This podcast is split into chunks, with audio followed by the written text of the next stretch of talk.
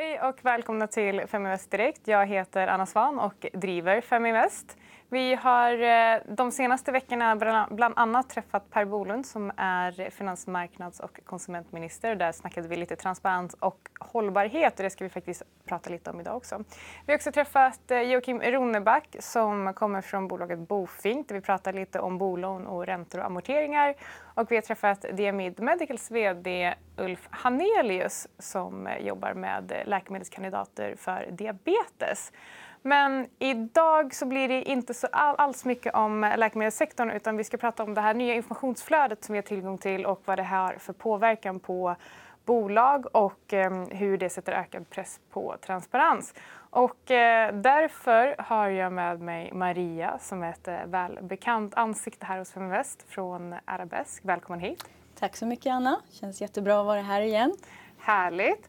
Och Eh, som jag sa att vi ska prata om eh, det här informationsflödet som också är, leder till att vi är eh, mer värdedrivna när vi gör investeringar eller om det är tvärtom. Och eh, jag tänkte bara att innan vi börjar, vad, vad ser vi för globala trender just nu?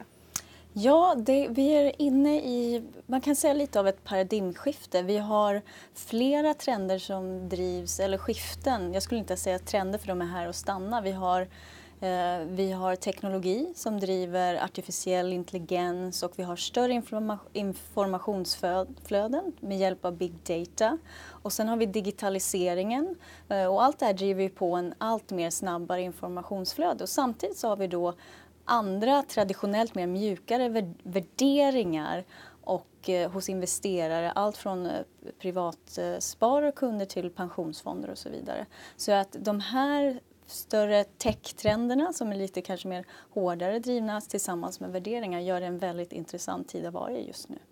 Precis, så mer information, mer tech och mer innovation skulle man då kunna säga. Precis. Men vi har ju gått från en marknad, eh, om man tittar flera år tillbaka, där det egentligen var bolagen som hade full kontroll på vilken information som man fick tag på som investerare från bolagen, till att idag leva i en värld där eh, media har liksom den största makten och vi får nytt flöde av information hela tiden. Och, eh, det ökade informationsflödet har lett till en ökad turbulens eftersom att vi som investerare, alltså vi som är marknaden, inte riktigt har vant oss vid hur vi ska handla och när och varför, vad som ska vara kursdrivande och vad som inte ska vara det, vad som på riktigt har en påverkan på bolagets resultat och inte. Men så jag tänkte bara, vad, vad är egentligen skillnaden på datan som vi har tillgång till nu jämfört med den datan som vi hade tillgång till förr? Precis, och det är, det är flera olika aspekter. Dels är det var vi får datan ifrån och dels är det eh, frekvensen, hur, eh, hur vi får data i realtid på ett helt annat sätt. Som du nämnde så traditionellt sett så kvartalsrapportering och det brukar vara hysteri runt kvartalsrapportering. Idag kan det vara hysteri kring bolag utan, utan någon rapportering från bolagen själva eller att det kommer en analytikerrapport. Och det här handlar om att vi börjar integrera mer och mer data och information som kommer från nyheter. Vi har ett helt annat sätt att eh, använda oss av det som jag pratade om tidigare, big data. Alltså vi vi dammsuger eh, webben och publika källor som har publicerats på, på nyheter och på ytterligare information som du kanske inte fått från traditionell finansiell data, alltså så kallad extrafinansiell data eller hållbarhetsdata. Och det är, det är en ny typ av data som man kan använda eh, i det som vi kanske kallar för hållbara investeringar. Då, och integrera mm, fler datakällor men också en annan typ av data i en investeringsprocess. Och börjar man titta på nyheter då så får du också en, en annan frekvens och eh, du kan börja titta på Eh, på momentum på ett, helt, eh, på ett helt annat sätt. Den där kan vi, den där kan vi stryka. Eh, men jag kan säga så här, och du nämnde också vi har ett alldeles kortare informationsspann, det vill säga när vi då integrerar nyheter och nyhetsflöden så har det en mycket snabbare frekvens. Alltså nyhetscyklerna i sig de går mycket fortare idag. Vi vet ju det själva för att vi har inte bara tidningar och traditionell, eh, traditionella media utan social media. Så att nyhetscyklerna går fortare samtidigt som vi då kan med hjälp av machine learning och big data integrera det här i våra investeringsprocesser. Så att det finns flera olika eh, krafter som driver det här. Nu har jag jättemycket följdfrågor på det här. Och, eh, då undrar jag till att börja med, vi pratade om trender innan. Det här, mm. Den här nya typen av informationsflöde, det här liksom massiva informationsflödet, vad har det lett till för fler globala trender? Du var inne lite kort på dem innan, men finns det, liksom, mm. finns det mer att säga om det? Precis, så att det som vi kallar då för eh, till exempel då big data och hållbarhetsdata eller som eh, vi på arabesk väljer att kalla det extrafinansiell data eh, som har blivit allt mer vanligare att integrera i investeringsprocessen. Där man brukar säga att jo, men, eh, inom de tre senaste åren så har vi aggregerat ungefär 90 procent av all informationsflöde som vi har idag. Så att vi kommer bara se en explosion, ytterligare mer data, mer information. Så då gäller det ju att kunna eh, ha de verktygen då att eh, hitta rätt information för det som, det som spelar roll för dig som investerare eh, hitta fler datakällor så att du kan ligga före eh, dina konkurrenter i, i, analysen. Så det är en väldigt spännande tid. Men samtidigt så pratar jag om, eh, om hållbarhet som en sådan trend säger vissa, men idag har vi ju faktiskt eh, den statistik och den data, den information som, som vi vet att hållbarhetsdata, om du integrerar det på rätt sätt i din investeringsprocess så kan du, eh, kan du skapa alfa genom det. Och när jag säger rätt hållbarhetsdata då så, så pratar vi eh, fin, materialitet, alltså finansiell relevant data. Det vill säga att du måste titta på eh, sektorspecifik data inom hållbarhet för att då kunna använda den Eh, Eh, i din investeringsprocess till exempel. Så att dels har du den, de här hårda faktorerna. Samtidigt så ser vi också att eh, framförallt millennials eh, blir allt mer värde, värderingsdrivna. Så, eh, 75 procent av millennials säger att de eh, genom sina investeringar vill visa hur de, eh, deras politiska, sociala, miljö, miljömässiga inställningar. Och den mer mjukare faktorn driver också på det här att eh, vi vill inte bara ha bra avkastning på, på våra investeringar. Vi vill veta hur de görs, det vill säga digitaliseringen, transparens och så vidare. Men vill också göra eh, dem på rätt sätt, det vill säga att de är hållbara och har en bra inverkan på, på vår omvärld och vår planet. Precis, och du sa det här att millennials eh, är mer värderingsdrivna när det kommer till sina investeringar. Jag läste en artikel på CNBC som jag skickade till dig också eh, där eh, det visar sig att ultra high net individuals eh, inte vet var de ska placera sitt kapital längre för att de vill placera sitt kapital någonstans där det faktiskt gör någon, någon typ av mening på riktigt. Så att man, man vill använda kapital för att förändra världen till någonting bättre. Det tycker jag eh, ger eh, väldigt mycket hopp. Men om man, om man eh, skippar och tänker på kanske de här ultra high net eh, individuals. Om vi, om vi tittar på annars då, vad eh, vad betyder det här för vanliga investerare? Ja, det är intressant att du nämner att du ställer eh, ultra väldigt rika mm. människor mot den mer traditionella eh, privatspararen, privatkunden. För traditionellt sett så har det varit så att hållbara investeringar det är någonting som man tror att du får göra avkall på, på avkastningen. Men vi vet att det inte är... Idag börjar det bli en hygienfaktor. Så, att, eh, så idag så är det en fråga även för Eh, för privatkunder. Och, vilka... och kanske framför allt för dem, tänker jag. Alltså att, ehm, att eftersom man vet att det är en risk att inte titta på hållbarhet i sina analyser så är, gäller det inte bara för Eh, Eh, för de som vill bevara sitt kapital utan för alla som vill få det att växa, liksom, få så hög riskjusterad avkastning som möjligt så är det viktigt att titta på de här faktorerna. Ja, det har du helt rätt i och då kommer jag tillbaka till eh, min käpphäst som säger att när du gör din hållbarhetsanalys så måste du vara precis lika sofistikerad i den analysen som i din finansiella och din, din tekniska analys. Och då kommer vi tillbaka till det här, vilken data, vilken data använder du? Det måste korrelera eh, korrelerar med sektorn och framtida riskjusterad avkastning. Så att, eh, det gäller också att titta på vilka, vilka datakällor du, du använder när du gör den här, den här analysen. vad betyder det för, eh, för bolagen? För jag har pratat lite om vad det betyder för investerare, men vad betyder det för bolagen? Sätter det högre press på bolagen att faktiskt titta mer på, på den typen av data? Precis, och det kom ut en eh, studie förra året just om hur kapitalförvaltare och investerare ser på det här. Så Eh, 70 procent globalt säger att de tror att genom att använda sig av big data och, och, machine learning så kan de generera bättre riskjusterad avkastning. Och lika många, om inte fler, säger att de kommer att behöva investera i, i det här området eh, framöver.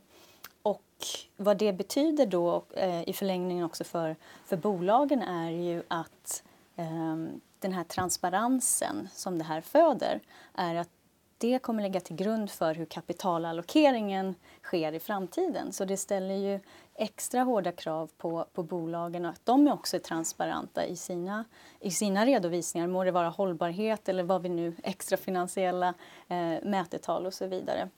Men det handlar ju också om att eh, du som bolag då måste se att eh, det inte bara är, din information som du, eh, som du levererar genom dina rapporter utan just de här andra nyhetsflödena som vi pratade om tidigare. Det finns andra informationskällor idag och bolagen måste förstå det här och integrera det i hur de, hur de eh, dels styr men också sina strategier och vara mer eh, använda sig av mer realtidsdata, alltså titta framåt snarare än bara Eh, finansiell data som ändå säger någonting om hur det historiskt sett har gått.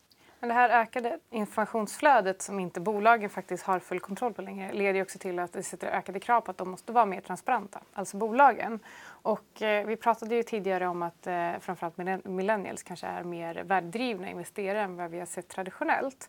Och eh, då undrar jag, vad tror du? Tror du att vi har blivit mer värderingsdrivna för att vi har tillgång till mer information och därmed också ser vad som faktiskt händer i bolagen?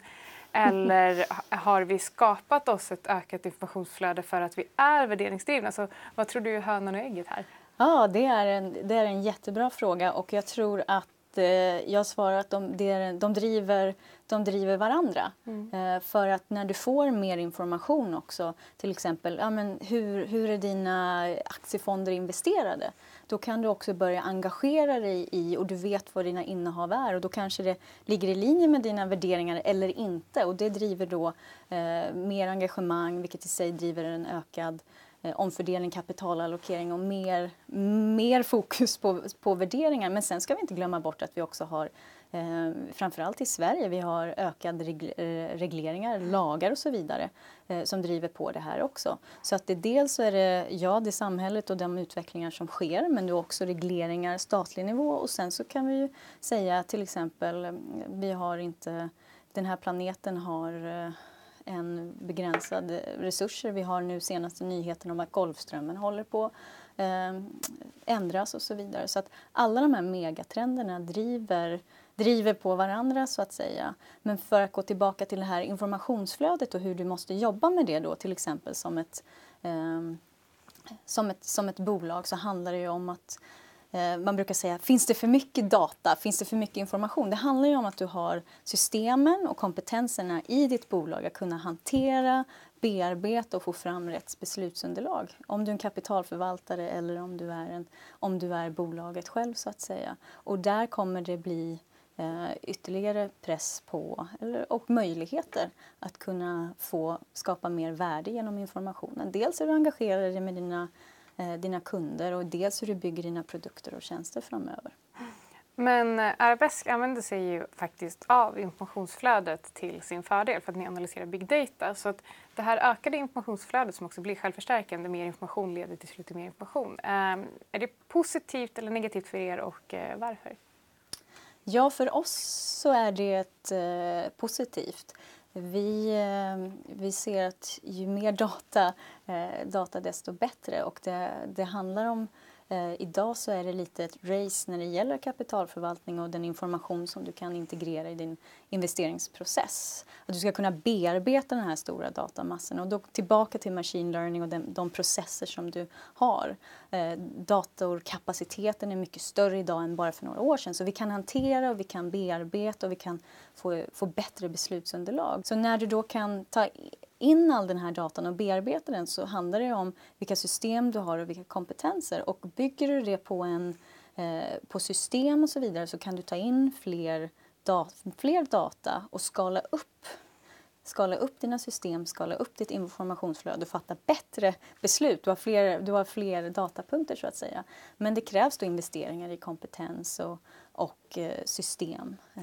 Precis, för det kanske inte det är inte så himla lätt som det låter att bara ta all den här datan och försöka strukturera upp den utan det eh, framförallt arbetet bakom er Esri till exempel. Det ligger ganska många år och ganska mycket kompetens och väldigt mycket kunskap bakom det här och hur, hur ska man analysera vilken information, hur mycket ska en parameter väga in jämfört med en annan och så vidare. Så det finns ju extremt ehm, det är extremt komplext egentligen att eh, analysera big data, eller hur? Ja, det är roligt att du nämner strukturera upp för att idag pratar vi mycket om strukturerade datasätt, det vill säga traditionella eh, finansiell information och monetär information. Och det, det som vi framförallt behöver bli bättre på det är eh, finansbranschen ostrukturerade datasätt, det vill säga traditionellt sett icke kvantifierbar data, alltså till exempel hållbarhetsdata. Där finns det jättemycket information som kan skapa ytterligare eh, värde. Och som du nämnde, våran, vårt analysverktyg S-ray så processar vi ungefär 150 miljoner datapunkter eh,